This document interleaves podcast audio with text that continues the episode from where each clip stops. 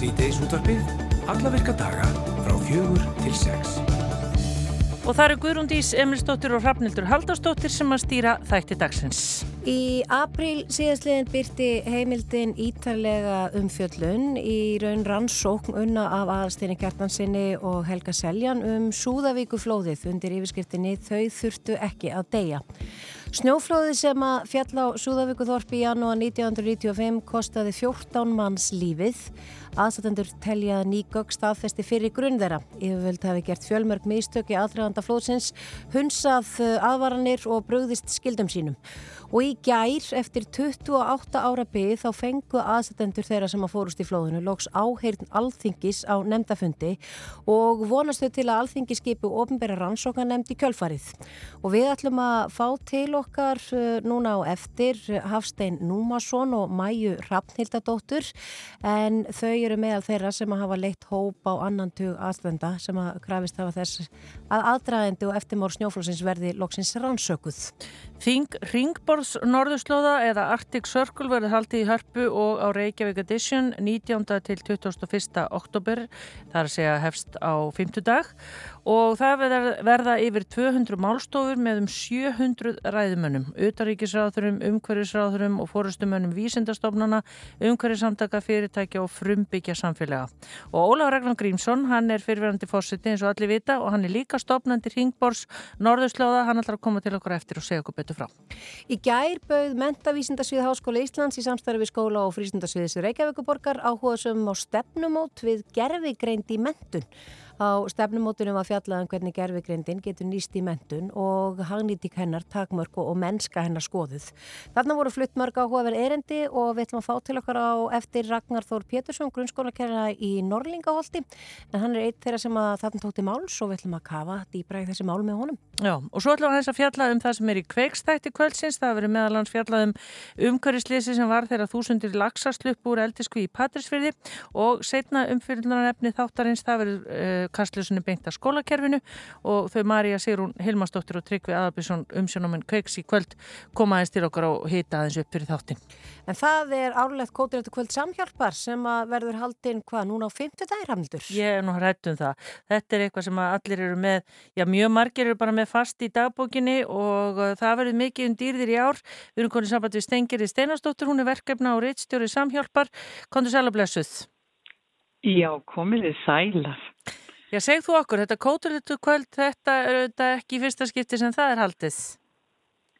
Nei, þetta er svo sannarlega ekki í fyrsta skipti sem það er haldið. En samtökin eru 50 ára í ár, þannig að við erum með óvenjulega veglegt kvöld núna Já. og verðum með nýjungar meðal annars verðum mjög skemmtilega pop-up bútík með alls konar tískufatnað og hönnunarvöru sem að, að allir tísku unnendur ættu að skella sér á og kíkja á hvort þið sjá ekki eitthvað alveg dásanlegt. Þarna eru bæði innlendir og ennlendir hönnuðir. Innlendir hönnuðir sem hafa verið svo frábærir að gefa okkur e, eitthvað úr sínum ranni og svo eigum við, við erum svo heppin að eiga bæði skó frá Alexander Wang og frá Tori Birch og fleiri svona hönnunarvörur, peysu frá Calvin Klein og svona stórum nöfnum utan úr heimi þannig að það er vel þess virði að kíkja á þetta. Já, en... Svo erum við líka með högust uppbóð eins og í fyrra og það tóst svo vel þá að við ákvaðum að gera þetta aftur. Já, hvernig fyrir það fram? Já, þetta verður alveg fram í andri áður en að fólk gengur inn í salin til þess að borða mm. að þá býðst því að bjóða í alls konar falleg listaverk bæði eftir innlenda listamenn sem að annarkvort hefur fólk gefið okkur þessi listaverk eða listamöðurinn sjálfur fæst okkur þau og eins hafa komið inn á neytjamarkaðin okkar svona ímiskonar gerðsemar sem að fólk hefur látið frá sér. Og þarna gefst tækifæri til að bjóða í það. En margt af þessu eru sapngripir sem að mjög margir sapnarar út um allan heim eru meðal annars að kaupa á eBay og fleiri upp á síðum.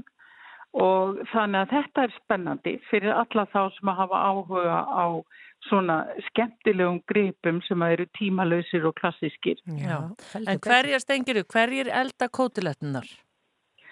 Heyrðu heldur að það sé ekki kokkalandslið okkar, þannig að þetta getur ekki klikkað. Oh, og þetta er bara gamlu góðu sko mömmu kótilettunar. Já, auðvita og bara ekkert annað sko. Það er náttúrulega, maður fyrir ekki að breyta því sem að, að virkar og er gott. Þá er engin ástæði til þess að breyta því eða gera það öðruvísi. Já, og hvernig getur fólk, ég menna, mæti maður bara, þetta er haldið á uh, Reykjavík Hilton eða ekki? Nordica? Jú, þetta er á Reykjavík. Já, þetta er á Reykjavík Hilton Nordica og fólk getur annarkvört farið inn á tix.is og keift miða En svo bjóðum við líka upp á það að ef að fólki finnst óþægilegt að kaupa miða á netinu þá getur það sendt okkur post á samhjálp allt samhjálp eða ringt í 561-1000 og beðu okkur um að taka frá fyrir sér miða. Uh -huh. Og svo gaman að geta þess að okkur langar til að halda pop-up bútík gangandi öll lengur heldur en bara þetta eina kvöld því að það er svo margt og mikið sem hefur sapnast til okkar af ómetanlega fallegri vöru. Þannig að við erum að leita húsnæði undir áframhaldandi vestlun og við vorum búin að fá lofur fyrir húsnæði en svo bara gekk það ekki upp. Þannig ef einhver þarna úti er með húsnæði sem hann er tilbúin að lána okkur í eins og viku, þá erum við með fullt af hönnunavörun sem við erum tilbúin að fylla búðina með. Já, þetta er nú einstaklega fallet og það þarf alltaf að taka það fram að þetta er mikilvæg fjáröflum fyrir ykkur þetta kvöld.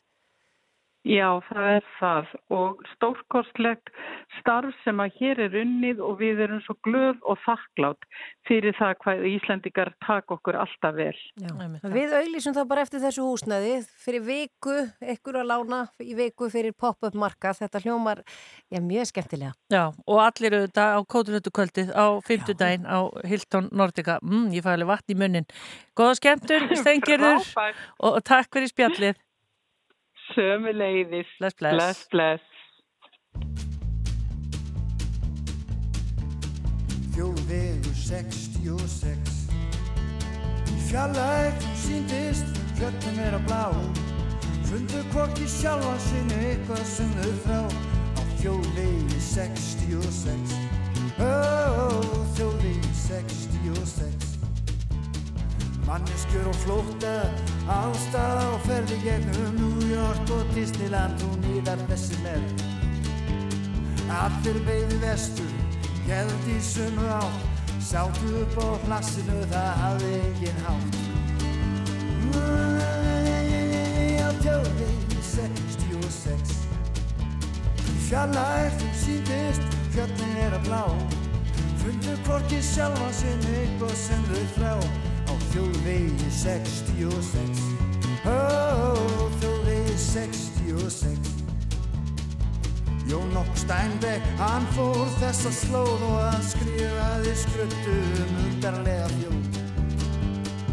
Um fólk í nauðum sem leitaði að náð Mætti fjandskap allt þetta skráð. Á þjóðvegi 66 Örlung á spilin, kjöð var ekki góð.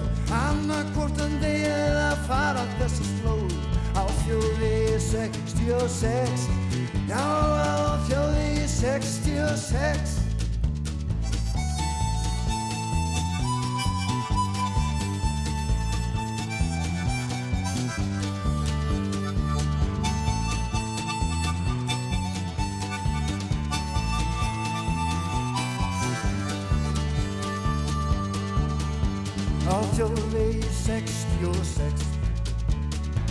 Þeirra byðu öllög sem ekki voru blíð.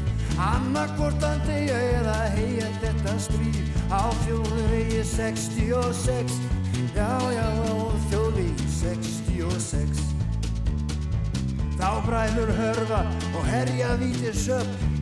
Til eru höfðingjar við Íslands bláu fjöld sem heldur vilja deyja en lífið þeirri smán. Að hafa ekki gefið sem þeir gáttu verið án Við tölum um, við tölum um þjóðvegi 66 Já, til eru fjöld sem alltaf verða lág Drauma sem rætast, trú og þrá. En á þjóðvegi 66 Jó, lítuð á, sjáðu þjóðvegin Hann er blár, hann er þjóðvegu 66 Já, hann þjóðvegu 66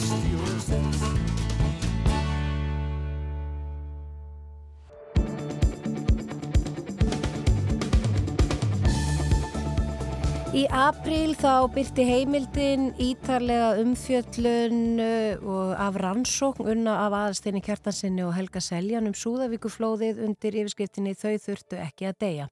Snjóflóðið sem að fjalla á Súðavíkuþorpi í janúar 1995 kostaði 14 manns lífið.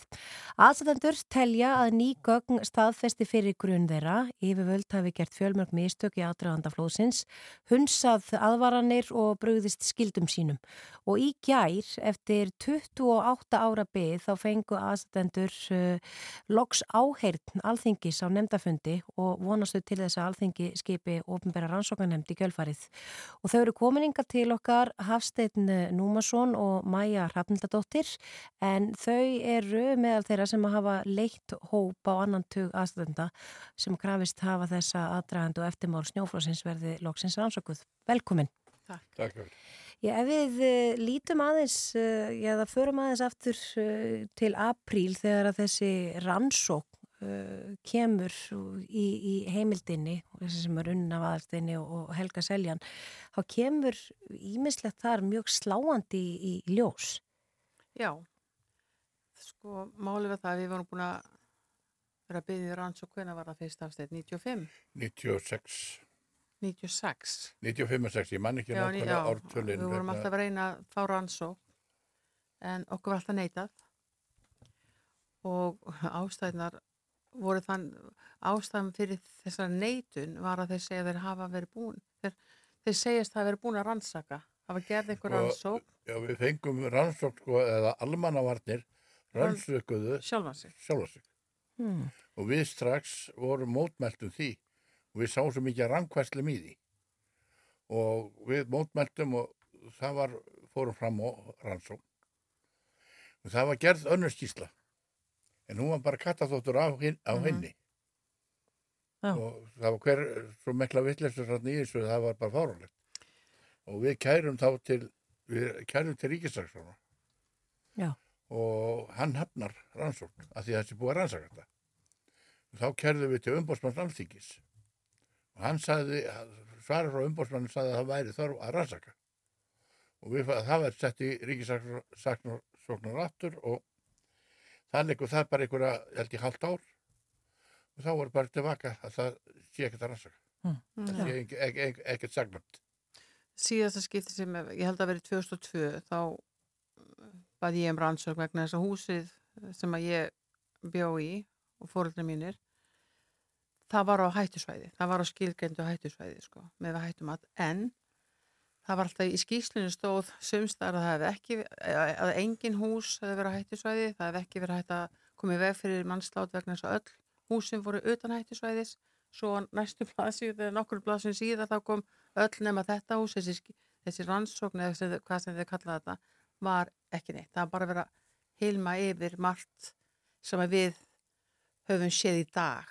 Ég, ég, svolítið, við báðum síðast um 2002 og þá var sagt bara búið að svara ykkur það verður ekki rannsakað, það var bara þannig það var bara, En í þessari uh, rannsókn heimildarinnar þá kemur uh, fram varandi til dæmis hús fóreldra þinna og Mhm. þitt að árið 1984 þá lögðust verkfræðingar sem að unnu matskeið fyrir Súðavíkur upp gegn því að byggt er þið meira Mhm. en þá hafði verið á svæðinu matið þeirra var mótmælt og nokkru mánuðin setna var útlutað nýjum lóðum og meðal annars til hjónana Svein Salomonsson og Mhm. Hrafnilda Þorstendóttur og þau reistu hús við Nesvið sjö sem að fórundi flóði. Já. Þannig að þetta er til dæmis eitt af þessum bara sláandi dæmum. já, málin nefnilega það að það var búið, þegar, sko við fengum útlutað ég, ég var, fekk útlutað nesveg 9 og mamma nesveg 7 en það voru sett skilirði við þessu, það, að það má ekki út, má, má ekki lega fólki að byggja á hættusvæði með sjálfsögðu, má ekki bara veist, byggja á heklu þegar þú veist það má ekki. En það var, voru skilirði sett fyrir þess að útlutan lóð það þurfti að koma snjóflóðvarnir það var búið að setja skilir fyrir því, það máttu ekki byggja nema það kemur snjóflóðavarnir. En okkur var ekkert sagt það. Í janúar, minni mig þetta ekki, í janúar eða, já, halva, já, janúar 84 þá var búið að teikna snjóflóðavarnir frá ofan allan esvegin og tvö hús á tungötu sem sagt húsi hjá bróðum mínum sem hann misti dótti sína eins ás og, og annað hús í, í, í flútt við Nesvegin en okkur var aldrei sagt að það mætti ekki út út þessu lofum þegar maður komið snjóflávar það vissi þetta engin nema hreppurinn sjálfur Já, þannig ykkur er ekki tjáð Nei. þetta. og sko, svo líða bara hérna hvað, hvernig byggjum við? Við fáum útlut 84 Byrjum, við byggjum 85 og svo líður 10 ár og enga varni komnar og þetta var svolítið svona, ég verði að, að, að segja Já. við vorum eiginlega búin að gefast upp og að því að það var búin að segja við ykkur að það verður alls ekki rannsaka neitt. Já. Svo erum við heima hjá mér, ég og Hafsteinn og við erum ekki að ræða þetta í júli í fyrra. Og ég sæki hættumættið upp, upp á veðustofu og það voru svolítið vesna að fá þetta hættumætt. Hann afgreiti þetta, hann, hvað, ég man nú ekki alveg hvað heitir hann, sá, hann var allan á vakt, hvort hann heiti Jón, ég man það ekki. Hann afgreiti okkur hættumættið loksins. Og, og ég tek það heim og við erum bara kaffi og erum að spjalla. Og svo sé ég bara að þeir eru að skoða kortið. og hann spyr mig akkur viltu fá að sjá kortið? Og ég segi vegna þess að það er heil byggð hérna, það er leikskóli og allt, leikskóli og, og byggð. Tvö parhús og húsið mitt og húsið mömmu. Ég segi þetta er, þetta er nú, hann sagði það er engin byggð hér, segir hann. Ég segi jú, jú.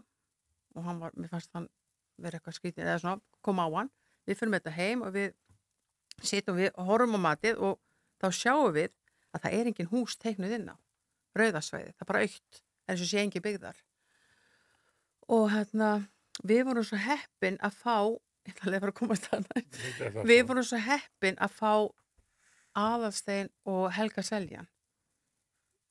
Þeir bara tóku það sér og eru búin að standa sig. Það hefði ekkert skeð nema þeir hafi komið og að því að vildi engin vildi engin hlusta á okkur. Eða, eða nei, það áttu bara að grafa þetta undir teppið. Þetta er svo ljótt mál. En þeir eru búin að standa þessi eins og hetjur og við, sko, ég er bara þakklætti skilir Mm. mm. og, og svo erum við rosalega góðan löffræðingan Sigur hérna Hilmarsson En Hafsteinn, svona bara, já, hvað er það sem að svona knýr ykkur áfram Sko, í málið- þessari réttlæti svinnu? Málið er það, okkur er alltaf hafnað. Við erum búin að kæra minnstakosti fjóru sinni til ríkisaksóna. Alltaf hafnað. Og ég veit allavega minnstakosti einu sinni ef ekki tvísvar til, til umbósmanns sem segir að það er ansakla. Þetta sé sagnand. Sko á sínum tíma þegar við byrjum á þessu, þá vorum við svona hópur og ég fór til löffræðing hérna, sem hétt Arnbjörður Backmann, hann er dáinn núna hann var allur að vilja gerður að hjálpa okkur og hann var bara orðið veikur en hann sagði að það væri mi- mikið til um almannavarnar lög en hann færi ekki betur séð en að þessi fáu lög sem til voru eru öll þverbrotin. Og þetta er fórsagan en svo það eins og þú veist að tala um þarna þegar það kemur, 83 kom snjóflóð niður á tungutu. Mm á hús, tvö hús, næstu tvö og fjögur. Og miðja veggi. Það var, við, tungutu fjögur var bill, stóð, yngjörslunni en það bakvið að hann flóði velti honum um og innan við hitt húsið ut- utan við, þar var stór spennir fyrir þorpið. Samanspennir, stór og þungur. Flóði fór með hann eh, 20 metra niður til. Mhm. svo þetta var ekki smá flóð. Og við sáum það að sko samkvæmt lögum á hættulínan, hættumörkin að miðast við lengstu vitaða skreiðileg snjóflóðs og hún var hætt alveg niður fyrir niður með, með raun og verið á stað þá var niður, niður á miðja hérna aðakut, með hérna tungutu en hún er færð upp upp, að, upp fyrir loðamörk það er skýrt lögbrot Svo er talað um hérna líka að uh, yfirvöld vissu á hættunni nóttina fyrir flóðið. Mhm. Að það hafi verið vitneskja um að mögulega væri yfirvóðandi hætta þarna og flóð en hús voru ekki rýmt. Þau byrjuðu samt að rýma, þau rýmdu eitt hús sem var reyndar ekki á hættisvæði í, í sem sagt, eh, Sunnudagsskvöldið. innra, innri byggðinni þarna, já, þau rýmdu eitt hús, það er að letu enga vita sem var á hættisvæði, ytrasvæði eins og svo kallað, Magnús Már sem var þá við, á vakt á viðstofinni, hann hann því miður gleymir að láta almannavarnir vita, það er skjálfest hann gleym, bara mistöki voru það þannig að hann gleymir að láta almannavarnir ríkisins vita þessar hættu Mm. þar lendi fór ekkert í gang Já. en þetta er við alltaf uppgötta núna sko. Ég er búin að heyra sögur en þetta er alltaf uppgötta núna En svo var þetta þetta kvöld líka að snjó eftir smaðurinn, Reyða Guðbrandsson, mm hann var búin að ringi í hrefstjóran og hann var búin að tala við sveitastjóra. En vandamálum var þess að Reyða Guðbrandsson og Sigriður Hrönn, Heiða. Eirarsdóttir, sveitastjóri, þau þóldi ekki hvort annað. Já, það sé bara mannlegur harmleikur Já, hann já. já. En, en ég menna, sko, það að þið skulle ekki vera búin að gefast upp á svona löngum tíma, hvað eh, verður þess valdandi að þið einhvern veginn haldið Sko- svona áfram? Við vorum eiginlega búin að gefast upp. En þegar við sjáum og vorum að skoða hvort, ef við sjáum að vantar hann inn á, sjáum hvað þetta er fáralegt. Þá vorum við að tala saman nei, heyrðu þetta gengur ekki. Nú kerum við bara á þetta og, og þá fórum við í rannsóknarvinnu sjálf, fórum inn á þjóðskjálasafn, neina, það var ekki þjóðskjálasafn, jú, -hmm. og þar fórum við að gramsa og þar fundum við bara fullt af pappiru miklu meira. Mm. sem við hefum ekki hugmyndum þó að maður hefur búin að massast í þessu öll þessi ár þá hefði maður ekkert grafið svo djúpt En hvernig var þá svo tilfinning að fá áheirt loksins eftir 28 ár og þið þú búin að missa foreldraðina og þú búin að missa þrjú börn. já, já, þetta, Hvernig, hvernig var það þessi var dagur? svo mikið léttir í gær og þetta var svo mikið stress fyrst þú veist, og maður eiginlega trúði ekki að þetta væri ske en svo tókum við okkur saman og þegar við mættum og búin að á fundinum þá þetta var bara Spennufall bara? já, við Já. bara grétum þegar Já. við það út bara brotnaði Já, þetta var, þetta var svo mikil okkur, okkur, við vorum svo stolt að, að, að, að, gott. okkar að það var hlustað á okkur og þau tók svo vel að móta okkur og, og, og voru indisleg þarna á fundunum, fannst þið það ekki? Bara, Jú, þetta, þetta var bara frábært og Og það er hlustist á þau voru líka með þessi. maður sá líka þau voru mjög slegin yfir þegar það voru að heyra salgan Já, og það eru, sko okkar salgan já, og það eru sem sagt vaksandi líkur á að rannsók Já. byrju fara fram. Já, Þeir eru mjög svona tiltölulega núna. bjartsýn með það. Já. En það, það við voru búin að lesa gögnin og allt þetta og það er ekkit annað hægt, sko. Sko við vorum að grafa upp þetta og ég held að við sýttum Helga og þeim í upphafi hvað upp til 600 blaðsíður sem við vorum að grafa upp. Nei, nei, sko líka annað, þú veist, þegar þú býr á rauðu svæði, á hættusvæði, þá ber, það, það er skilislaust rýming. Það þarf ekki að kalla saman funda, nei, þá bara ringja hæppisvenni út með ykkur. Mámið er alltaf farið, eins og skot. En við vissum aldrei að það þyrft, hefði þurft að koma varnir. En þetta var látið bara, ég held að það sé út af peningum. Ef þetta, þetta var nótið gömul loftmynd við hættumatið, tveim árum áður en byggð var, það byrja að byggja hann 85, leikskóli, Mm veist, öll börnin hefur bara þurrkast út í þorpunu 1, 2, 3, 4, 5 heimili í viðbót og þetta er bara allt aukt þar lendi, hvernig veit fólk að það var rýma ef það er ekki á Já, um, þetta er svo alvarlegt að það er ekki einhver lægilíkt Það sem maður heldur jafnvel með þessa loftmynd að, að hún skildi vera notuð. Það er, mann er óskilvægt að hún skildi nota gamla loftmynd af því að þessum húsin er ekki inn á. Mm -hmm. Ég held að bara að hreppurinn hafi verið komin í vandravæð. Það var búin útlutað þarna lóðum. Það voru sex fjölskyldur sem voru í- sem byggu orðið þarna inn á í leifisleysi og þegar að koma að voru að gera hættumat hvað er þá auðvitað heldur að senda bara gamla loftmynd? Þá er ekkert vandamál. Sérst ekki túsinu þetta er svona getgátur hjá okkur. Þetta er bara mín hverju það er svona mín kenning. Við minnum á þessa umfjöllun í heimildinni og þar vantilega verður áfram hérna, fylst með og við öll, þjóðin öll, en hver, hver eru næstu skref? Fenguðu ykkur að tímasetningar eða eitthvað? Fyrir jól, fyrir Já. jóli verður búið ákveða hvort það verður sett af nefndu þetta þetta er að ganga rosalega hratt sko þeir eru búin að vinna mjög hrætt við erum mjög þakklátt fyrir það. Og, og við erum núna í dag mjög björnsýn að þetta halda áfram og glárist Það er gott að heyra. Eh, uh, Harsteit Númason og, og Maja Rafnaldóttir, takk fyrir að koma enga til okkar og segja okkur sögðu ykkar. Já, Takk fyrir, já, takk fyrir. og gangi ykkur vel. Takk. Óf, já.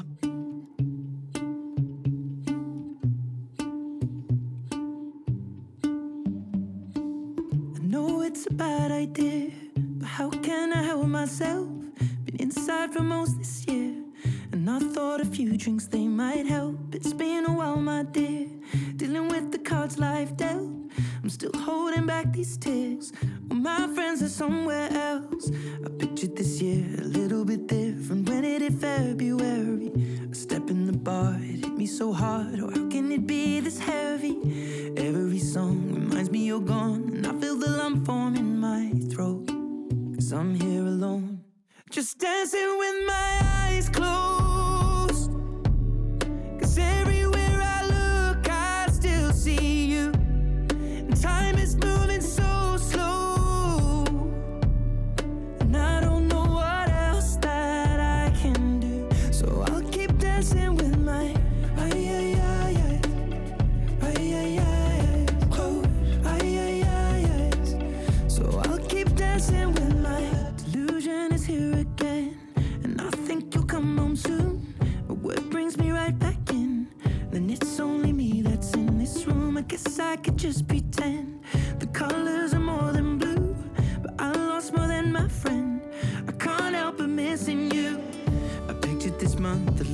different, no one is ever ready.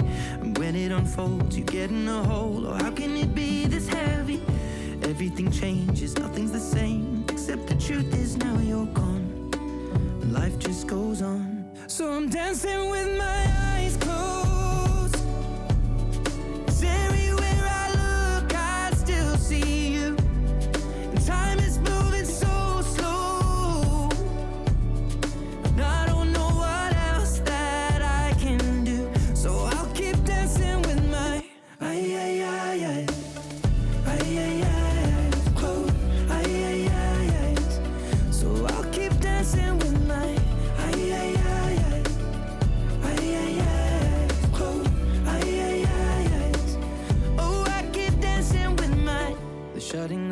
They're cleaning the floor and everyone is already home. But I'm on my own. Still dancing with my eyes.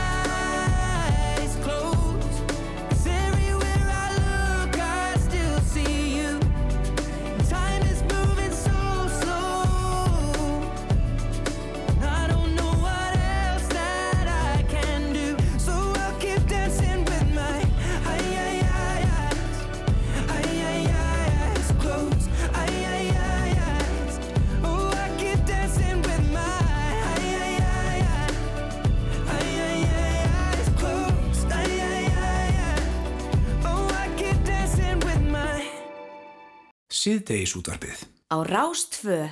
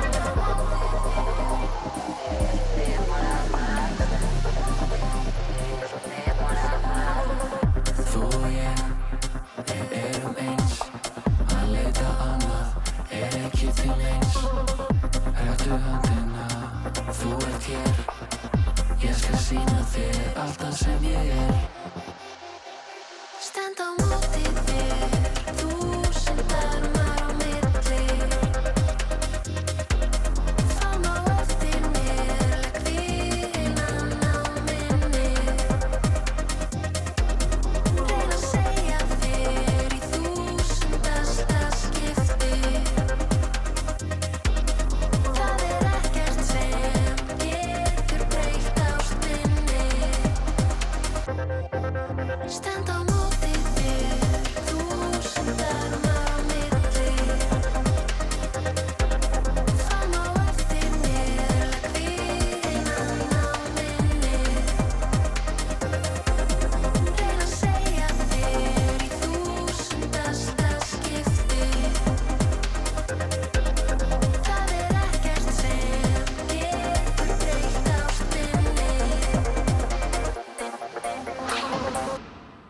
ætlum að beina sjónum okkar næstu myndurnar að kveikstætti kvöldsins og uh, það eru tvö umfyllunarefni í kveiki kvöld og þau eru komin ykkar til okkar Marja Sigrun Hilmastóttir og Tryggvi Aðbjörnsson komið í sæl.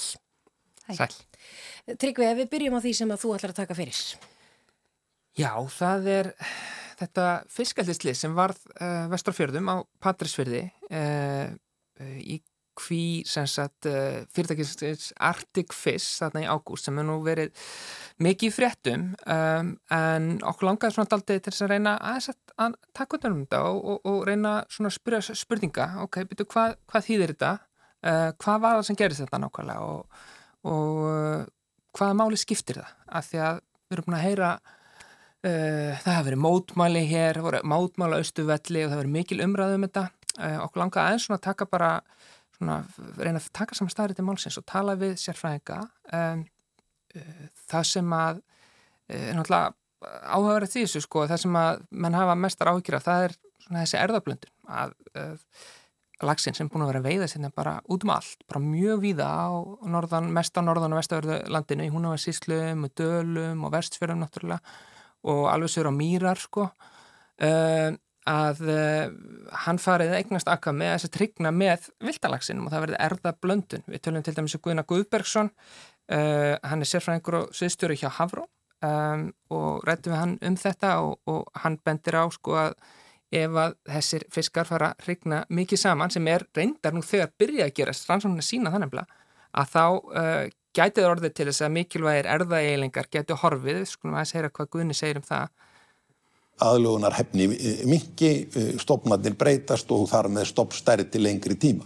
Svo hafa sem er haldið fram að til lengri tíma þá kannski, já, myndi þetta ekki skipta sérstökum máli vegna þess að bara í náttúrvalinu þá munir bara þessir erðaeilingar eldislag svona bara veljast út. Það er að segja að náttúrun munir bara sjá um að koma þessum eldiskerum í burta því þeir eru ekkit aðlæðir að náttúrunni. Um, heyrim aðeins hvað Guðni sagði um það. Ef þetta veri einstakur atbyrður til dæmis að þá, þá myndi náttúruvalið virka til þess að, að, að velja það út. Ef að, þetta, ef að uppsprettan er hins vegar stöðu, það er alltaf að koma aðkomu fiskar inn og þeir eru að blandast og smám saman finnist út erðaefnið í, í þessum viltustofnum Uh, og, og, og þeir verða þá líkar og líkar í hérna, eldistofnum. En Tryggvið það hafi verið gaggrínt að svona fórsvarsmenn uh, Arctic Fish hafi einhvern veginn ekki tjáð sig og vilja tjáð sig mikið um þetta máli eða þetta slis, náðu þið tala af þeim? Uh, við reyndum, forstjóri sem sagt norska móðurfélagsins sem heitir Movi og stærsta lagseldsfyrirtæki heimi, hann var hérna að tala á ráðstöfnu í Reykjavík síðustu viku uh, og var í viðtölum hér í fjölmjölum meðan hans á, á Rúf og við óskum þetta viðtölu við hann, hann vildi ekki ræði við okkur um, vildi og bar fyrir sem meðal hans lauruglur ansóknuna en líka bara taldi að við værum of þröngt sjónarhorn á þetta og við vildum ekki fjalla um jákvæða þætti lagseldis um, en uh, og já, reynir fórsvarsmenn hérna Íslandi Artikvis vildi heldur ekki heldur ekki ræða við okkur. Uh, því miður því að hérna það er ímsa spurningar sem að bara svona er ósvarað í sambandi hvað nákvæmlega gerðist þarna uh, eða og, og afhverju það gerðist og svo framvegs við reynum aðeins að fara yfir það í umfyllinni Mm -hmm. Þetta er áhugavert. Og þetta er allt saman í kveiki kvöld. Og Marja Sigrún, þú ert uh, að spyrja spurningar um hvort að skólinn sé úreldur. Já, sko það hefur svona, það, það spannst mikil umræða svona í, í, í kringu það núna. Ég held að það verið örgur og megin við síðust áramót þegar fólk svona fór að leika sér aðeins með þetta chat GTP forrið og sjá svona hvað það getur gert og fólk komst bara því að það getur samið ljóð og rittgerðir og gert ótrúlegustu hluti og þá svona beintist spurningar aðeins að mentakerfinu, hvernig núna getur við mælt færni fólks og þeir eru komna svona, svona gerðvigrenda forrið sem geta bara gert allt mögulegt fyrir okkur. Og, og ég hérna vildi skoða þetta og kafa eins og þetta. Og við erum með hann í þessu einslægi viðtal við hinn og þessa sem eru svona að skoða hvort að mentakerfi hafi í rauninu verið bara aðeins sopna á verðinum að því það urður náttúrulega ótrúlega miklar breytingar bara þegar tölvitar komu og svo aftur þegar interneti kom og nú stöndum við fram fyrir þessari byltingu sem er gerfigreindin og þá er svona eins og það sé að myndast svona smá gjá á milli sagt, eh, skóla og atvinnlífs eða það er að segja færni kröfur það er kröfur sem verða að gera til starfsfólks í fremtíðinni þar passa kannski ekki endilega við þar áherslu sem eru lagður í mentakerfum dagsins í dag. Það er ennþá gríðarlega mikil áherslu á utanbókalærdóm. Það er ofbúslega mikil verið að steipa fólk svolítið í sama farið og viðmælendur okkar voru sammála um þetta að það er eitthvað úrælt sko viðmið, við leggjum ofbúslega mikla áherslu á það að taka próf og til að mæla eh, og gefa nefndum engunir og, og svo er það sem, þeir sem fá flottustu engunar og flottustu skólanum, þeir einhvern veginn eiga síðan að fá bestu störfin. En þegar við erum komið svona mikla gerfigreind og svona mikla tækni þá eru færnikrönir raunni vættum við að einbit okkur meira því sem gerir okkur ólík velun veist, og þá er það hlutir sem eru eins og næmni, innsægi útsjónasemi uh, að þóra að fara nýja leiðir uh, vera svona útsjónasamur og, og, og gera hlutinu öðruvið sem hefur verið áður gert. Og, og þeir sem við rættum við, þeir voru svona aðeins, já, á því að, að það þyrta aðeins að, að skoða kerfið upp, upp og nýtt og sjá hvort það verður ekki hægt að innlega pluss það gerðvigreintin alltaf hefur upp á að bjóða ótrúlega tækni sem hægt að innlega inn í skólakerfið. Það er hægt að kenna börnum margt með gerðvigreindardryfnum, gagvirkum, tölvuleikjum og gera allt ná miklu einstaklingsmiðara og við ekki þarf með, meira áhuga barna á því sem þurfa að læra þú, þau þurfa auðvitað að læra hluti uh, og þekking skiptir máli en, en hvernig þú lærir það, það er svona aðeins kannski komið svona út af spórinu, en við skulum aðeins heyra við töluðum með hans við Berg Ebba og hann er nú hérna læriði framtíðafræði í háskóla í Toronto í Kanada og skulum aðeins heyra það sem hann segir um þetta. Núna er þetta að taka á sig svona miklu meiri mynd, það sem að tölfur geta raunverulega hugsað fyrir okkur og bara leista af hendi alls konar störf sem að manneskjur þurft að sinna áður. Og þá hugsaum við það sama, hvað verður um manneskjuna? munum við bara liggja eins og einhver slitti og ekki hafa neitt að gera. Mér finnst þetta að vera bara lang, lang stærsta hreyfi af samtímans. Já og það er svona með þetta eins og ímislegt annað að um, þetta er svona breyting sem eru átt sér stað yfir langan tíma og það virðist vera eins og sé smá træða í mentakerfunu uh, en þegar við tökum þetta svona saman eins og við gerum tilhörðan til í þessum þætti þá er þetta svolítið sjokkrandi en ég hérna eins og ég, ég, þetta er náttúrulega, þátturinn heitir kveikur og ég, við erum svona vonast þess að þetta kveiki og veki fólk til hérna, samtals um þetta og þetta er ekki, það er ekkert að leggja þetta alltaf herður, herða kennara fóreldra þurfa líka að vilja þessa breytingar uh mhm. -huh. Og hérna við töluðum líka við Hugin Frey Þorstensson hann, er, um, hann hefur ansaka vísinda byltingar og hann var einn af þeim sem skrifiði þessum skýslu fyrir stjórnar á Íslands um fjóruðu innbildinguna og allar þessar breytingar sem gerfikreindin mun eh, hafi í förmið sér og fólk kannski áttur sér ekki á.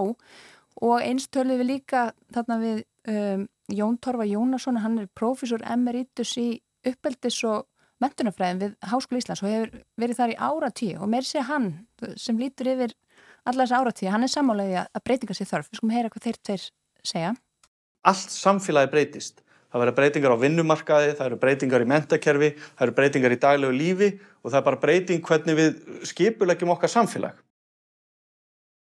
Og gerfigrendin, hún býður upp á það í svo miklu meira mæli heldur en held ég að fólk átti sig á. Það kannski fyrir átti sig að það núna, en það hefur verið hægt að gera í ára tíu, en hefur bara ekki verið gert. Það er bara mjög sterk innbyggð træða í kerfinu.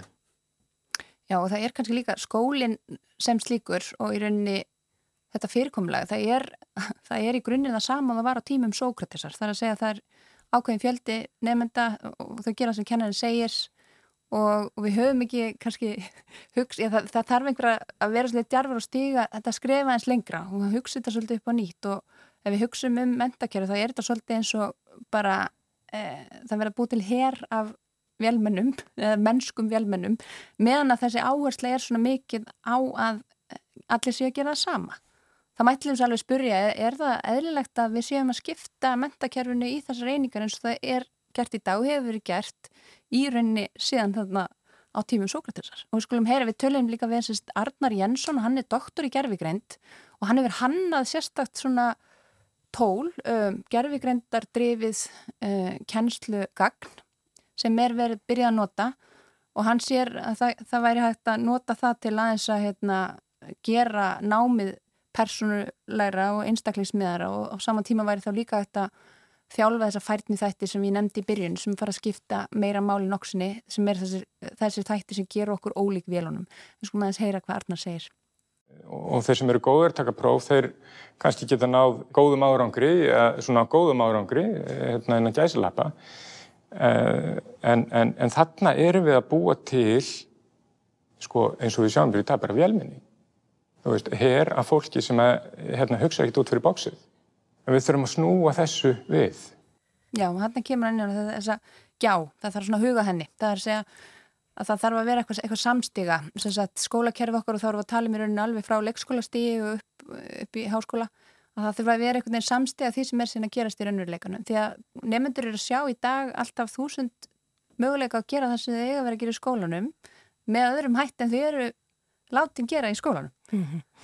Þetta er mjög, mjög spennandi. Kveikur í kvöld, lagseldislis og gerfugreindin umbyltir námi. Marja Sigrun Hilmarsdóttir og Tryggvið Abjörnsson, takk fyrir og við hlökkum til að horfa í kvöld. Takk.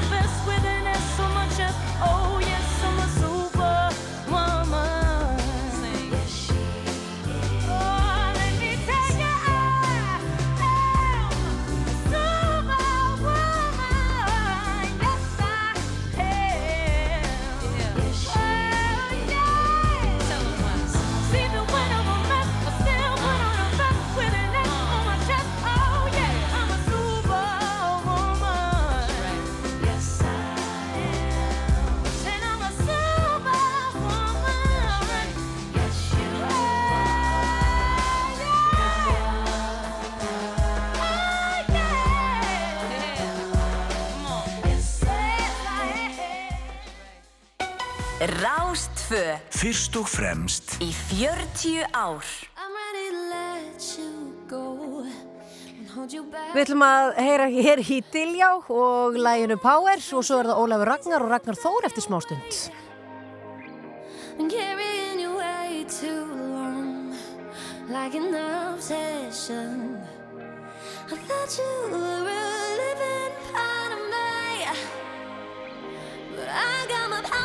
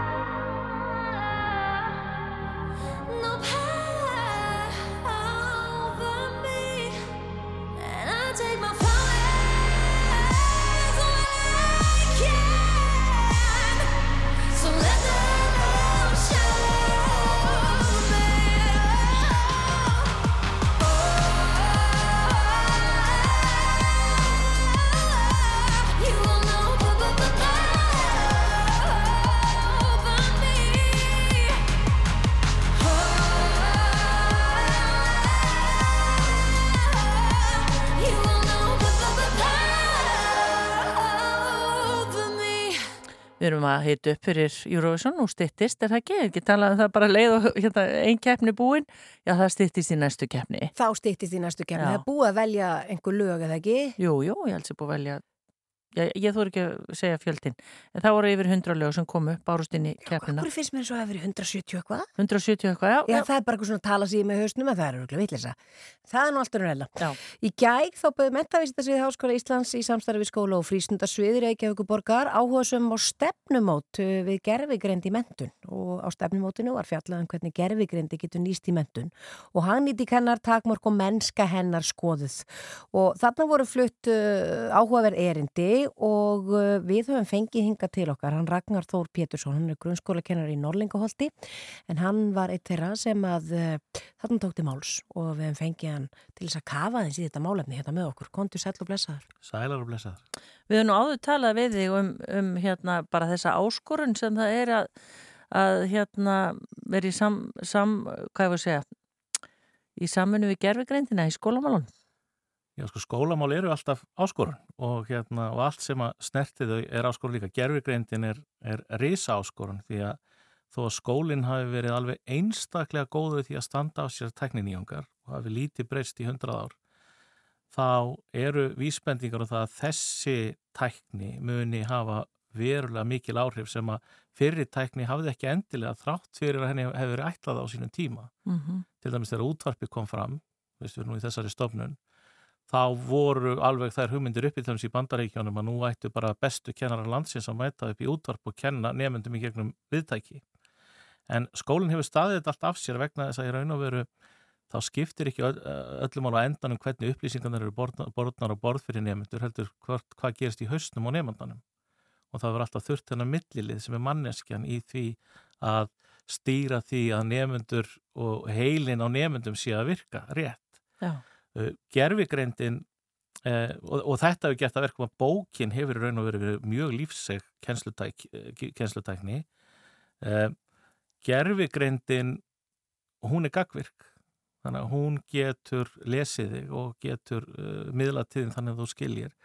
Og hún mun hafa veruleg áhrif mögulega til íls en líka mögulega til góðs. Og við stöndum alltaf á tímamótu núna.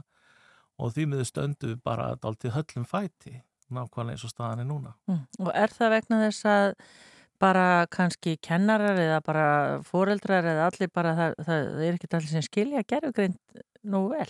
Sko, aðal vandamálið okkar núna er að stefna landsins um gerfigreind, við eigum landsstefnum um gerfigreind sem stjórnvöld hafa sett. Það er ekki eftir að fylgja henni eftir vegna þess hvernig persónuvend er framkvæmt hér á landi. Þú útskýrið þetta? Já, gerfigreindin í raun og veru samrýmist ekki svona þe þeim uh, áherslum sem persónuvend hefur lagt um tækni í skólastarfi. Og, og gerir það í raun og verk, eru að verkum að, að uh, gerfigreind í skólastarfi er eiginlega bara ekki hægt að nota fyrir að gera vera breytingar á því. Þau fyrirtæki sem að koma til með að geta uppfyllt þá skilmálar, þá lögfræðilegu loftfimleika sem gerfigreindin sem persónuvend fer fram á það verða bara stóru rísa tæknifyrirtækin og þrátt fyrir að persónuvend hafi lagt að staði þennan leðangur til að verja einmitt fyrir stóru fyrirtækjónum sem að sem að ágirnast að upplýsingarnar sem bönni upplýsingafótsporið að þá er hættan svo að með uh, þeirri nálgun sem við höfum haft þá afhendu við þessu stórfyrirtækjum börnin á silfufatti því að þau elska meira en upplýsingar, þau elska líka peninga og það er gríðaleg gróðavon fyrir stórfyrirtækin að komast inn á þetta og búa til kjenslulöstnir og raun og veru tortíma mögulega skólanum í þeirri mynd sem við þekkjum hann og svo úr þetta mannlega. Þetta hefur við aldrei verið að sjá gerast í sunnan Sahara í Afríku þar sem bara heilu mentakerunum er skipt út fyrir tæknilösnir frá stórfyrirtækjum. Þetta er svona svartasta myndin. Já, þetta er, þetta er svartasta myndin. Þetta er það sem gerist ef við finnum ekki leiði til að framflíkja stefnun okkar því við hefum mjög metnaðafulla stefnu um það hvernig gerugreindin skuli nota við hefum mjög metnaðafullt og hæft starfsfólk sem getur fyllt í eftir. En Íslendingar hafa aldrei verið sérstaklega góði að framfylgja þeim stefnum sem þeir setja. Okkur er aldrei mislaðar hendur í því. Og við þurfum aðeins að breytum takt í því ef við hefum að geta nýttuð tækifæri sem eru sem eru gríðarlega mikil. En getur þú tekið einhver svona aksjál dæmi fyrir okkur? Hvað gerðugreindi getur gert? Já, nei, bara bæði hvað hún getur gert og hvað það er sem við erum að rekast á veggi og hverju við þyrtum að breyta til þess að geta nýtt hana til góðs. Sko eins og núna, eins og staðin núna, það má ekki eins og nota Google Translate í skólum. Þannig að bat sem flyttur til Íslands málust getur ekki í skólanum notað tungumálaforri til að skilja hverju gangi að gera sér skiljanlegt. Er það ekki algjörlega galið? Það er algjörlega fráleitt. 13 ára gömul öðlarspötnin sjálfstæðan rétt til að nota þessa, þessa tækni og þau eru með hann í símanum sínum og það er bara raunin og það sem gerist í þeim skólum sem hafa ekki út í símum þá eru bönnin bara að nota þessa tækni í símanum sínum og bjarga sér þannig. Bad sem myndi, nú eru átök við, við botn miðrahafs og Bad myndi flytja til Íslands frá, frá Gazaströndinni og kennari hér á Íslandi myndi halda tengsli með kennara Badsins út í Palestínu að það mætti barnið ekki eiga videofundi að senda tölvuposta til, til Palestínu einfallega vegna þess að það með engin gögn fara út fyrir Evróska efnaðarsvæðið í skólastarfi. Og það er, það er svona uh, það er svona aldrei mikil svona bókstafstrú sem er að valda því að mörg tæknilega hjálpartæki, ekki bara gerfugreindat hjálpartæki, heldur bara hjálpartæki sem eru nöðsilega börnum í nútíma samfélagi er ekki eftir að nota í skólastarfi nema tækjum barnana einfallega vegna þess að, að gerfugreint annarkvort hefur bannaða eða sveitafjölein er svo hrætt við að, að persónvend noti refsivöndin, fjársektirnar að þau þóri ekki að taka sjensin. Mm. En ég meina, er nokkuð leið anna, önnur en að bara afvopnast og, og einhvern veginn fara að vinna með þetta og breyta þessu? Uh, nei, það er, það er engin leið og ég meina ef, ef við gerum það ekki, ef að skólakerfið fær ekki að nota þau tæki og þau tól sem að, sem að hérna sem eru nót, ef að skólinn líkist ekki samfélaginu sem hann tilherir þá er hann ekki skóli. Þá er hann bara eitthvað allt annað, hann getur verið gríðastaður eða kvildarheimili eða eitthvað en hann er ekki skóli. Og það er einfallega þannig að, að, skólinn verður að endurspegla samfélagið og, og börnin verða að ná valdi á þeirri tækni sem er þarna úti vegna þess að þau muni þurfa að nota hana. Mm.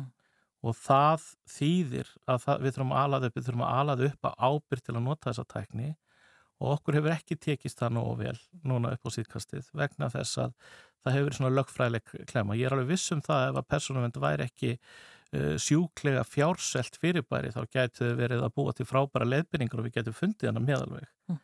En hún getur það ekki og það er engin og öflugur eða það allavega stígur engin fram til þess að höggvaðuna hnjút og þannig stöndu við núna að gerfigreind, að, að, að og önnu tækni hún hafi verið að nota hana á engatækjum nefnda eða í heimaverkefnum eða hvernig sem það er en ekki markvist inn í skólunum vegna þess að einfallega fólk eru á frætt vegna þess að það er, er, sko, er alvöru mál að lendi klónum á refsi hluta persónuvendar eftirlitslutverkinu. Mm. Þau, hún hikar ekkit við það að beita stórum fjársektum á sveitafjölög sem að stíða út fyrir strikið. Já, en við ringdum í þið eh, sko ekkert fyrir löngu síðan henni sítið þessu útarpnum og þú tókst dæmi af einhverju rítger sem að hérna, nefndu væri að gera og svona hvernig gerfigreiting gæti dýfkað svolítið umfjölluna og bara það var þetta ekki saga mús eða eitthvað slíkt. Jú, jú. Já, bara þú sem kennari, Ragnar, mm. hvað ert þú farin að nota bara svona í daglegu starfi gerfigreindina? Ég nota hana alveg ofboslega mikið. Ger, gerfigreind til dæmis kendi mér að forrita sem ég kunni ekki það var ákveðna svona lausni sem að uh, ég sá fram á að geta einfalda lífið mitt ef ég geti búið það til og ég bara spurði gerðið greindina Ertu þá að tala um í kennslunni líka? Já, ég, ég, ég not hana undirbúa starfið mitt og ég not hana, not hana í kennslunni ég býð til, við erum núna með að kenna samfélagsfræði í gegnum svona leik og erum að, að búa til sögur út frá raunverulegum atbörðum og personum og, og og við erum þrjú saman í þessu og við erum að afkasta á við kannski 30 manna her vegna þess að við notum gerfugreindina til að hjálpa okkur. Ef gerfugreindin fær góð fyrirmæli frá þeim sem notar hana, þá verða niðurstöðnar og útkoman, hún verður rosalega góð líka. Ver, en ef hún fær liðlega fyrirmæli, þá verður útkoman algjör dröst. Og ég veit að nefndur eru fattin að nota þetta, þetta er í Snapchat og, og, og þeir eru auðvitað vitað þessu og hérna Og þeir eru, ég sé nefnendur sem eru að snar laga spæði leskilningi og reytun vegna þess að til að geta gert sér skiljanlega við gerfugreindina þurfa gæðin á textanum að vera alltaf mikil. Mm -hmm. Og þó að þessi nýlega umræðu það nefnendur veit ekki hvað gæði hugtæki þýðir að þá þarna er bara praktíst dæmið það hvernig þeir læra munin á því að texti getur verið mikill að gæðum og, og lítill. Mm -hmm.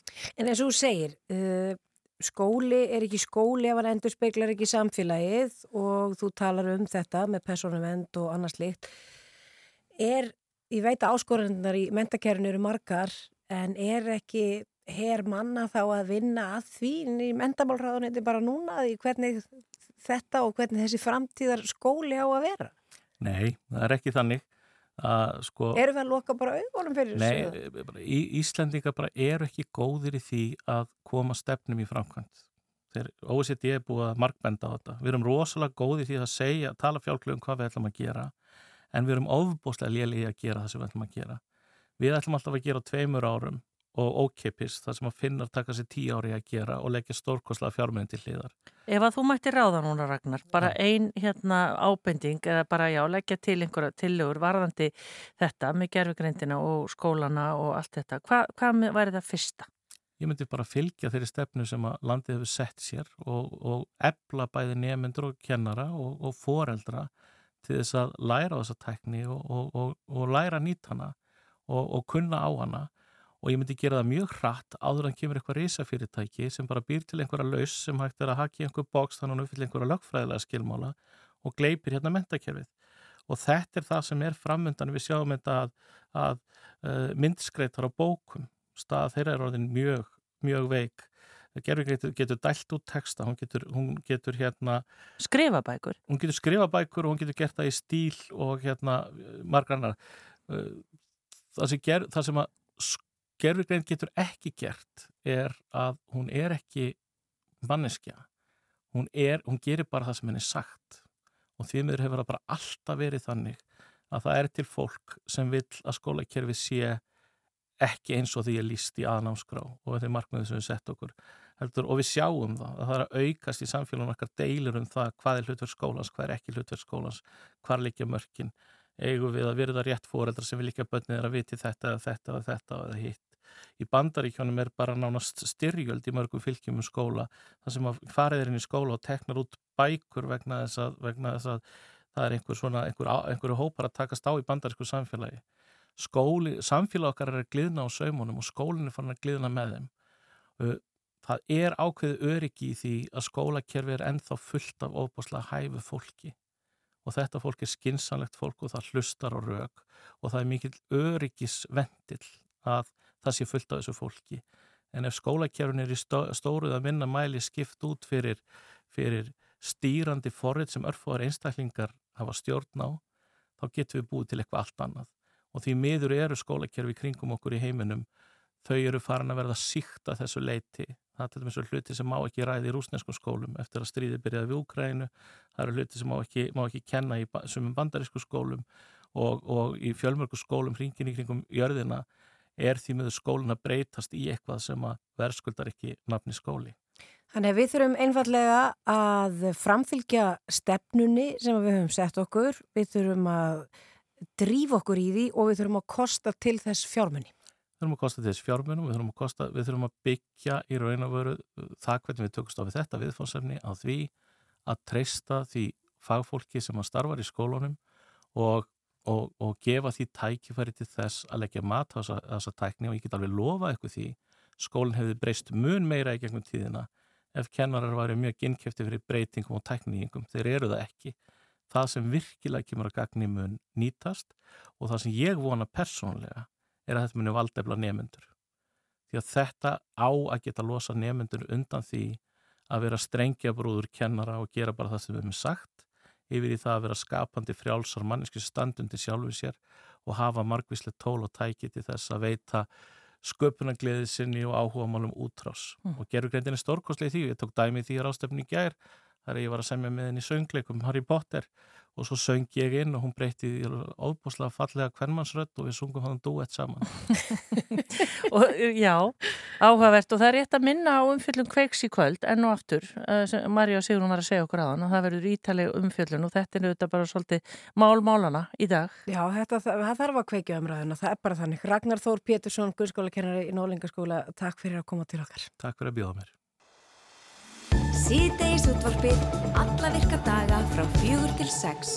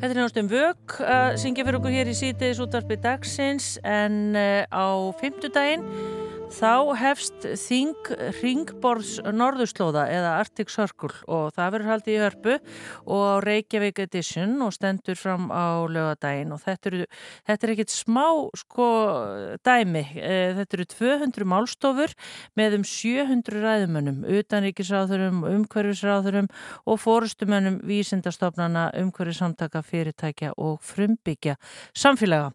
Og uh, eigum að segja já, stopnandi hérna Ringborðs Norðurslóða er engin annar en Ólafur Ragnar Grímsson, fyrirvændi fórst Íslands. Velkomin og hann er hingað komin. Þakkaði fyrir.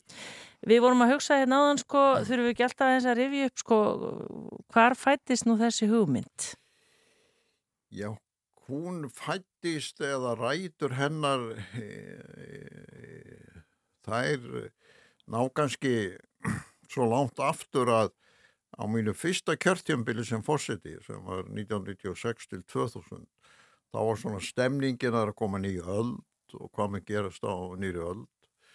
Og ég fór að velta því fyrir mér eh, hvaða atriði eða breytingar eru það sem munu snerta Ísland sérstaklega á nýri öld? Og hvar getum við gengt mikilvægur hlutverki kakvart um heiminum. Og ég komst að þeirri nýðustöðu að eh, náttúrulega jarðhittinn, það að nota hreina orku til þess að hitta og kæla borgir og, eh, og norðurslóðir væru meðal þessara aðtreyða sem og eh, bráðnun jöklana og hinn mikla þekking okkar Íslandinga í rannsóknum og jöklum. Því að í raun og veru lofslagsbreyningarna snúast bara um það að ísin er að bráðna og þess vegna breytast veðrakerfin og þess vegna ekkert sjáfamánu þá má segja að loftslagsvandin í hnótskurn er að stoppa ísin og jöklana frá því frá því að bráðna. Já. og ég fór að sækja eftir aldamótin svona ímsar ráðstöfnur um norðurslóðamálefni sem er kallað svona artik á erlendum málum. Þær voru yfirleitt svona litlar mjög sérhæðar 50 manns, 100 manns vísindamenn að tala hver við annan og frumbyrgjar að tala hver við annan og diplomatar að tala hver við annan. Og smátt og smátt fór ég að segja við sjálfa mig og aðra sko þetta gengur nú eiginlega ekki svona lengur sko, að, að, að baráttu lína lofslagsbreytingana eru er hvort að tekst að stoppa granarsjökul frá því að bráðna eða ísin á ísaminu hérna fyrir norðan frá því að bráðna og ef við höldum áfram að halda svona litla fundi sér þetta að þá tekur engin marka á. Við þurfum að búa til nýjan vettfang og ég notaði Davos eða Valdíkanang fórum sem svona, svona líkan til samburðar. Við verðum að búa til vettfang sem er nægilega öflugur, nægilega stór, nýtur nægilega mikla virðingar þannig að fórustum er ríkja, fórustum er vísindastofnana, fórustum er almannasamtaka, fórustum er umhverjarsamtaka, fórustum er frumbyggja og allir aðrir sem gegna áhrifastöðum í veröldinni muni samþykja að koma. Og ég fekk nokkra í lið með mér 2012 og fyrirpart ásins 2013 og við skulum prófa þetta. Og við heldum fund í National Press Club í Washington í mæ 2013 til að tilkynna fyrsta þingið er það Íslandi í oktober og það töldum margir algjörlega galið að hafa bara fjóra-fimm mánuði til undirbúinu. Það mættur umlega þúsund manns á fyrsta þingið. Mm og síðan næsta þing 1500 mann, síðan hafa mætt bara á hvert einasta þing hérna í hörpunni og hverju ári, þetta er hverju ári yfir 2000 manns og núna frá um 70 löndum og frá öllum heimsálfum og ásamt efnagslega heimstingin í Davos sem haldir í januar er Þing Arctic Circle orði stæsti alþjóðlegi árlegi vettfangur sem haldin er í Evrópu þar sem fulltrúar svona fjölmargra sviða og fórustu sveit kemur saman. Já. Ég hafði líka sem fórseti og reyndar áður verið þáttakendi í fjölmörgum alþjóðlegum stopnunum og þingum og ég áttaði mig á því að þau voru smátt og smátt að hægt að gera einhver gagn sem áraðan bara einfalt mál. Og þessar samkominn sem við sjáum oft í sjónvarpinu þessar ráþærar og aðrir sitja við ringborð og við erum með spjöldur framansynstandu Bandaríkin, Frakland, Kína, Svíþjóð, Ísland og svona Þetta kerfi snýst bara sjálfsög það, það er eiginlega ekki að taka þátt í lausn vandamáluna. Við þurfum að búa til nýjan, opin, líðræðislegan vettangar sem allir getur tekið þátt. Og ég saði stundum þar sem minn ungi umhverfið sinni og, og aðgerða sinni hefur sama rétt og fórsiti ríkis. Þannig að Arctic Circle var í upphafi líka ný aðferðafræði til að ná fólki saman í veröldinni og finna nýja leiðir til að leysa brín vandamál. Já. Og nú erum við stödd hér 2023 og erum að halda tí, tí, ammælisárið, tíunda þingið og nú er þetta orðið það fast í sessi að til viðbótar við hinn álegu þingið á Íslandi þá höldum við stórar ástöfnur 300-700 manns í öðrum löndum síðast í Tókjó og í mars og næsta ári í Berlín alltaf í bóði stjórnvalda við komum til landa og að því leiti má segja að Ísland sé orðin eins konar samastaður og samkomustaður fyrir þessa fjölmennu sveit uh, áhrifafólks af öllu þessum sviðum uh, þar sem menn mæta álega til þess að reyna að finna lausnir á svona brínustu vandamálum mankin sem eru loftasmálin uh, breytingar yfir í reyna orku framtíð framtíð útafana og svo réttindi frumbyggja og samfélaga vitt, vitt og breytu verðildina og, og Ísland er að þýleiti til orðið svona eins konar griðarstaður fyrir allt þetta fólk til að koma saman og, og ræða á sínum á sinn hátt uh, um þessar lausnir og uh, það er auðvitað mörguleiti merkilegt að við séum að halda upp á tíundaða þingið þetta séum vissan hátt svona ammælising þó í seinu stundum við þetta unga fólk sem að uh, skilar stórkoslu verki í, höfustöðum Arctic Circle og ég sé nú eiginlega komin á þann aldur og mér finnist tíu ára ammæli ekki mjög merkilegt. En er þetta þá þannig, sko bara svo við skiljum þetta, þarna eru auðvitað eh, málin rætt, en eru þau líka framkvæmt? Meina, Já, sko þetta er byggt á þeirri líðræðislegu hugsun að við eigum að treysta fólki til þess að finna hérna réttu leiðir að lausna. Við þurfum ekki alltaf að fyrirskipa öllum í smáatröfum hvað er ég að gera. Og það hefur tekist, þarna koma fulltrú að ríkja, það var þetta til dæmis sjö umhverfisráðara og lofslagsráðara frá jafnmarkum ríkjum, það mætir fórustu sveit, lofslagsting samlið þjóðana og fjálmargir aðri fórustumenn en þarna eru líka fulltrúar fyrirtækja, almannasamtaka, ansvöknarstofnana og menn bindast samtökum um að hrinda í framkvæmd ímsum, ímsum umbótamálum en það hefur líka áhrif á hvað þeir gera svo þeir koma heim til sín svo reynsla og þær umræður sem, sem fara fram á þinginu. Þannig að smátt og smátt sko lærði ég þá leksi í mínu alþjóðlega starfi. Þú segir fólki ekki fyrir verkum. Þú lærir að treysta því. Þú skapar vettfang og umgjörð þar sem hver og einn getur komið á sínum eigin forsendum og það er engin að setja hann undir einhverja yfirstjórn eða einhverja mistjórnarvald honum og henni er einfallega treyst til þess að finna rétta leiðir og rétta lausnir í samvinnu og samræðu við aðra. Það sögðu margir við mig 2012-2013 þegar ég var í þessu vör og var að lýsa þessu nýja mótili. En þetta mun aldrei takast. Þú fær aldrei fórsetta og fórsettisráþara og ráþara og fórustumenn og morgun sögum til að mæta þar sem að einhverjir ungir aðgerðarsinnar eða hinn og þessi Pétur og Pál getur bara staðið upp og sama rétt til að tala eins og þessi ráðamenn, ríkja, samtaka, stopn, allþjóðastofnan og, og fyrirtækja. Ég hafði trú á því að það myndi takast og þess vegna er Ringborg Norðurslóð ekki bara merkilegt út frá sjónamiði Norðurslóða og lofslagsmála og hreitnar orku og, og framtíðar, framtíðar úthafana heldur líka að hinn árlegi viðburðu hér í hörpunni sannar það að það er til annað mótel í alþjóðlegri samvinnu heldur en þetta gamla mótel 20. aldarinnar sem eru meira og minna uh, gengið sér til húðar. Já, þannig að þetta í rauninni þarna verður hipp og kúl og verður einn stór suðu pottur af fólki sem láta sér lofslagsmál varða og þau mæta hinga til Já Reykjavík. og alla þá þætti sem þar koma við sögur sem eru þetta mjög, mjög margir vegna þess að loftslagsmálin eru bara svona samnefnari fyrir, fyrir fjöldþætt vandamál. Og þarna hafa líka fulltrúar einangraðra og fámennar samfélaga til þeim svo norðurslóðum og núna koma líka fulltrúar frá, frá Söður Ameríku úr, úr frumskóum, frumbyggjar og þeir eru í fyrsta sinn að að koma á alþjóðan vettan og aldrei farið frá sinni heimabygg og koma beint úr uh, frumskóginum í Söður Ameríku til þess að flytja norðurslóðum um heiminn þann bóðskap að nú verða hlutindir að fara að breytast. Já, um.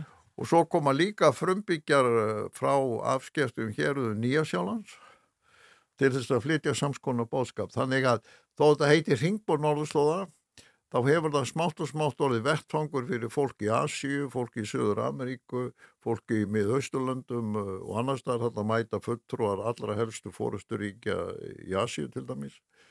Og fórusturíkin í Evrópu hafa líka nýtt þennan, uh, nýtt þennan vettfang svo að núna uh, getum við gladst yfir því að okkar litla land gegnir þessu mikilvæga hlutverki og sé mikilvægt fyrir okkur átt okkur á því að við getum rétt veröldinni hjálparhand eh, til þess að skapa þetta skjól. Já, já. En, en það er líka dálítið merkilegt af því að okkur Íslandingum finnst nú bara sjálfsagt sko að eins og ég kom hérna núna og gerði það sem fósiti líka og var engin öryggisvörður með mér og ekki neitt og okkur finnst það nú bara sjálfsagt sko. Þetta er hleyið ef að ég hef mætt hérna sem fósiti með, með, með einhverju öryggisvörði.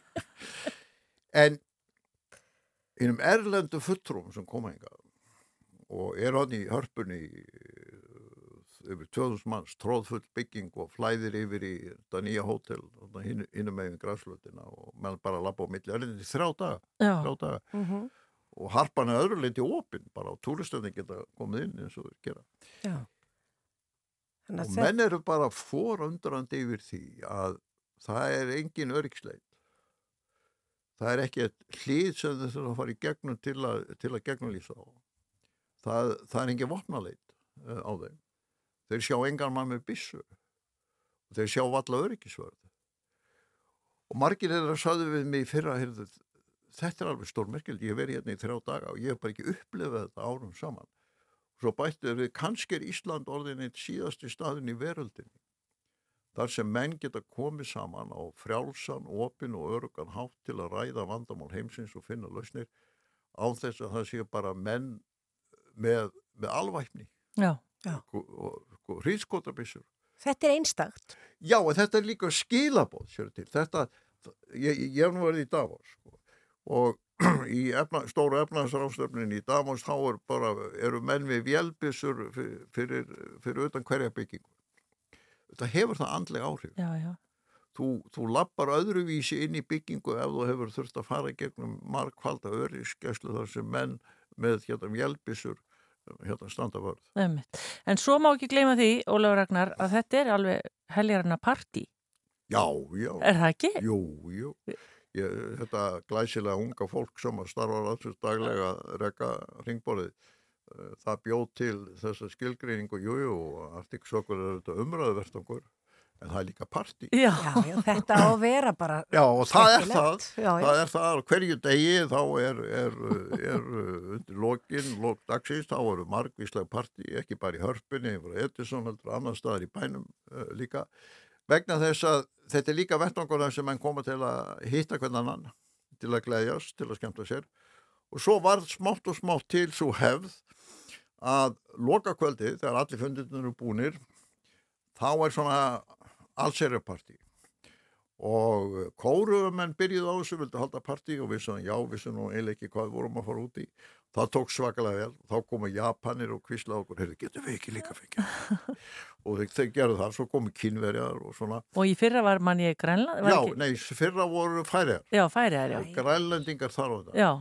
en grænlendingar sprengdu eiginlega partískalan Já, já. vegna þess að þeir komu með alveg dundur hljómsveit og, og tónlistafólk og sköpuðu alveg svakalegt fjör þarna á, næstu hæðinni í, í hörpunni svo að núna Já, hvað ætlar að bjóða upp á núna? núna er bara Ísafjörðunætt Já, já, það er ekki bara því að ég fættur á Ísafjörði heldur er það til þess að það urðu þetta þessi stórt tíðindi að Keresis uh, uh, brausti gegn sem uh, fyrsta fyrirtækið eh, sem sprottið er upp úr öðlundum hafsins eh, á Norðurslóð þá þar á við Bandaríkin, Kanada og Norðurland og aðstæð sem nær því að var innan með áratug að ná markasverði yfir miljard bandaríkitala. Það er kallað unicorn og það er með því að gera róðið að auðlind því sem að hefur hent í gegnum aldinnar. Það eru gríðaleg skilabóð í því fólki að jafnvel sko úrgangurinn úr auðlindum hafsins og norðurslóðum er gulds í gildi. Það verður lífsbjörg fyrir aðra. Já, í bókstalleri merkingu. Mhm. Læknar fólk gefur þeim nýja helsu, nýja von og svo framvegis. Svo við bara ákvæðum þó að hafa áður verið kent við lönd eins og Japan og Kóru og Kína og svona. Þá væri bara Ísafjörður. Og, og svo náttúrulega er Ísafjörður sko slíkur miðdebill veraldarinnar að, að Múkisson og, og, og Helgi. Björn eru náttúrulega ísfyrringar Og alveg. þú. Já, já, en ég ætla ekki að syngja sko, ég tek það alveg skipt fram en, en Múkisson og Helgi mun að standa fyrir fjörinu Já. þannig að þessu mun ljúka með einu allserjar Ísafjörðarparti Þetta verður ekki leiðilegt. undir uh, þar sem þessi snillingar algjöru snillingar munu, Já. munu standa fyrir fjörinu og það verður mjög gaman að sjá þessa stóru alþjóðlegu sveit sem ég segi nú með allir virðingu fyrir Helga og Múkisson, hann var kannski ekki heyrt þá mjög nefnda í sinni heimabygði í frumskóum Söður Ameríku eða í Kína, Kóru eða Japan munu trillast af þessu Ísafjörðafjöri sem þeir félagar munu, munu standa fyrir. Kekja, við séum bara góða skemmtun Ólafur Ragnar við- og við höfum eftir að fá fréttir af þessu Algjörlega. Var Jú, jú, það að má ekki gleyma því, sko, þetta er alvöru Ég veit það. vettvang. Já, já. Já, já, Og við já. hlökkum til þess að fylgjast sem bara eru með. yfir 200 málstofur með eins og í upp. Já, já, já. 700 ræðumenn. Og 700 ræðumenn. Við lökum til þess að fylgjast með ringborði Norðurslóða í framtíðinni því þetta er komið til að vela. Já, takk fyrir komuna. Já, þakka ykkur fyrir.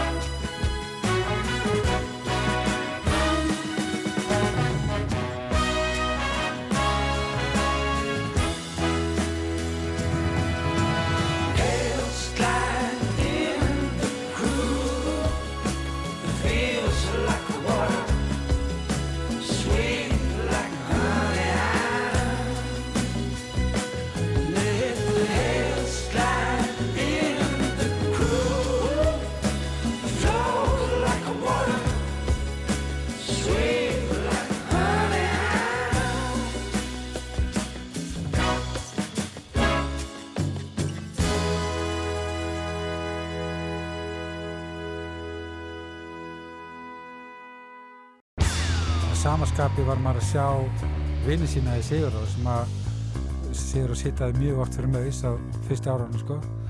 Að sjá þá ná bara skæra Rocket Addicts það er bara game sko. Þannig að, maður var kannski á sama tíma og manni leiði svo við, við staði okkur ágætlega á auðvitað markaðinu og fann maður vel til smæðar sinnar með því að sjá hversu langt var hægt að fara. Í Rokklandi í kvöld rifjum við upp sögu hljómsveitarinnar Maus sem fagnar 30 ára amæli um þessa myndir með tónleikum í gamla bíói næsta 50. skvöld. Og Rockland er svo alltaf á rú.is og í rúf spilafann.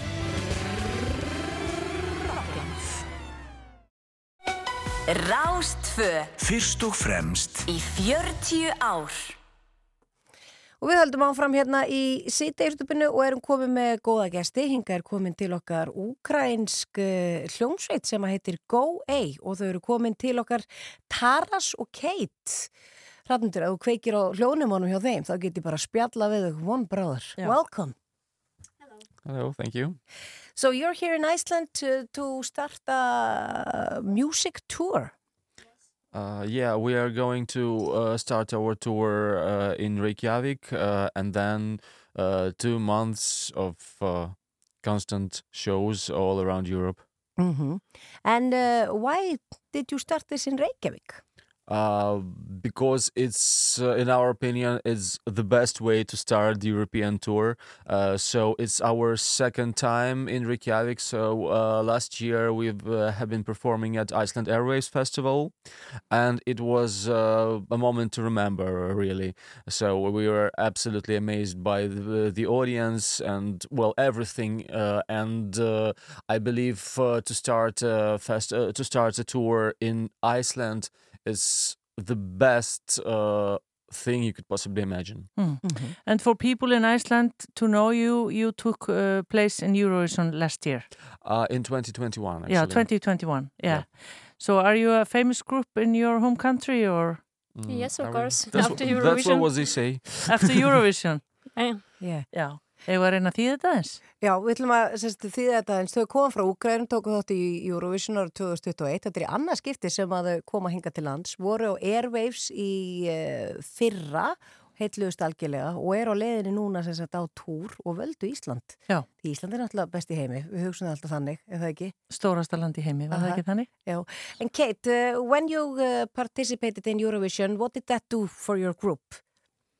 Mm, it was uh, the mm, special moment for our gr- uh, our band because uh, after this moment uh, our life was changed, and now we have a lot of uh, people who loved our music, uh, and now we have a t- European tour. And after Eurovision, three years, we every time we enrolled because many people wanted to hear our music, and it's amazing. Mm Eigum við, uh, já, það er sem sagt breytti lífið þeirra, þau tóku þátt í Eurovision, svo ég reyna þess að þýða þetta og uh, þau eru búin að vera á fullu bara að spila síðastlegin þrjú ár. Eigum við hrafnildur aðeins að skella pínu á smá tóndæmi af, uh, we're gonna play a little bit of your Eurovision song now before. Весняночка, весняночка, де ти зимувала, я садочко на кленочко, сорочечку пряла, та моляся на.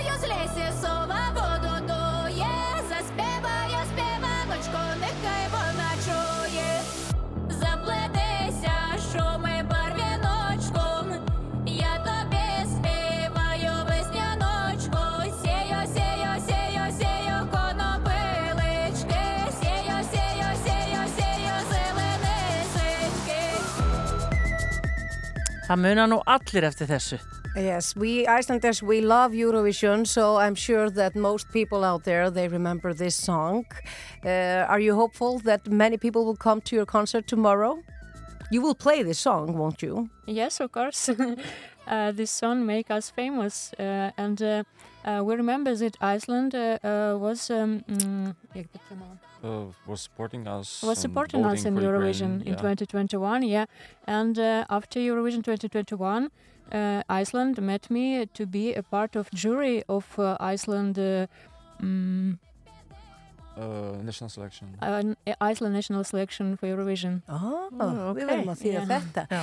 Já, hún treystir því og er vangu að komi margir á tónleikana á morgun af því að það muna allir eftir þessu lagi og þetta lag náttúrulega gerði þau uh, þekkt uh, um alla Evrópu og uh, við stuttum þetta lag vel og mikið. Algjörlega, mann það vel. Og vorum að fíla þetta Já. og hún var valinn, hún, uh, Kate, til þess að taka þátt í dómnefnd til þess að... Velja íslenska framleið? Já, Já. Það, er, það er mjög næst. So have you been uh, traveling somewhere in Iceland or are you just uh, in Reykjavík and then the concert tomorrow? Only for the concert because we have a long tour after Iceland and uh, next, uh, our next step uh, will be Dublin mm -hmm. and Ireland. Great Britain. Okay, yeah. and then Great Britain. Yeah. So the concert tomorrow starts when? Oh. Uh, uh, 8, 8 o'clock tomorrow yep. í gamla bíó. Já. Já. og erum við hérna á Tix? Yes, við erum hann Tix? Við erum með hérna smá búktalarræk hérna Happy er að spyrja sjálfa sig. Klukkan var að byrja þetta, klukkan átta. við erum með hérna á Tix þannig að við hvetjum bara sem flesta til þess að kíkja uh, á, í gamla bíó á morgun. Og hlusta á þess, þetta frábæra fólk, frábæra tónlistafólk Go A. Thank you so much and uh, have a uh, nice night tomorrow and a good trip around Europe Takk Thank you so much. Thanks for having us.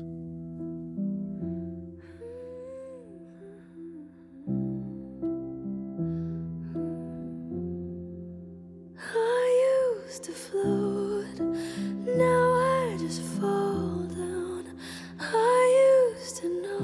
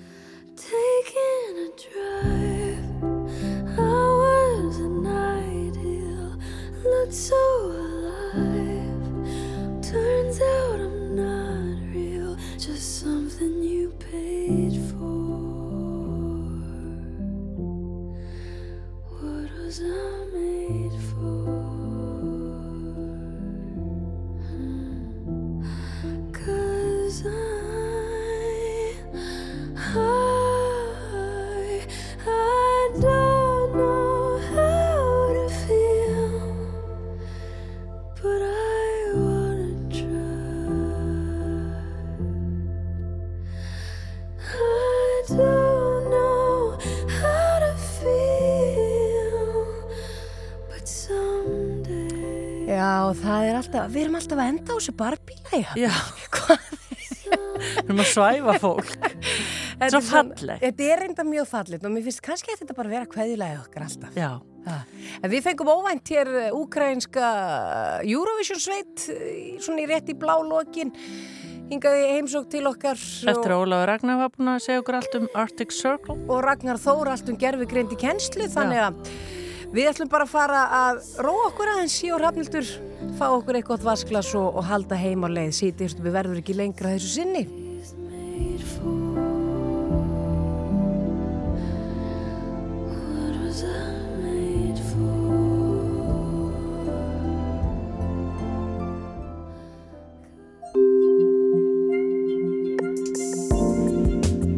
Brönns alla daga Norðubakkin Hafnarfyrði. Flísa veistla Egil Árnason.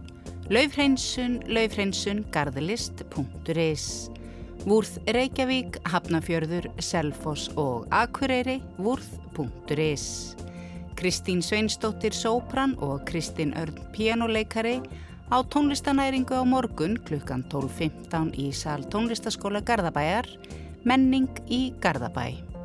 Njála á hundavaði, allra síðustu síningar, leikfélaga Akureyrar, mag.is.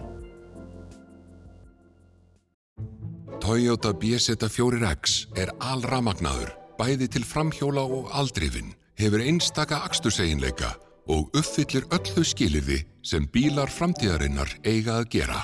Já, ströymar geta svo sannarlega ræst. Toyota. Heimilismatu fyrir svanga. Matstöðin höfðabakka. Nú eru flísadagar. Harðviðaval. Vandaðu valið.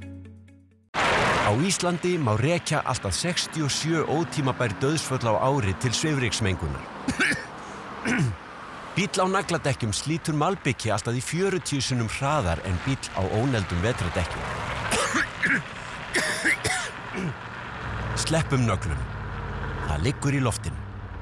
Reykjavíkuborg. Flísaveisla. 30-60% afsláttur af ítölskum flísum. Gerðu kröfur. Egil Árnason, Suðurlandsbröð 20. Seilún vetrardekk fyrir íslenskar aðstæður. Seilún. Nýkynnslóð gæða dekja. Aðeins 2% íslenskra fyrirtækja eru framúrskarandi. Er þitt fyrirtæki meðal þeirra? Sektu um vottun á kreditinfo.is. Framúrskarandi fyrirtæki Kreditinfo. Mattaresist og mattmálningin frá Sikkens er með innbyggðri blettavörn, frábærið þvottheldni og rispuþóli. Veldu betri málningu. Sérefni. Dalvegi. Ertu að byggja, breyta eða bæta? Eitt mesta úrval landsins af viðarparketti, harðparketti, vínilparketti, flísum og einniurðum. Birgisson, Ármúla. Gæði, þjónusta og gott verð. Parkett, parkett, parkett, parkett, parki, parkett, parki, parkett, planka, parkett, parki dalvegi. Hagkaup með þér í 64 ár.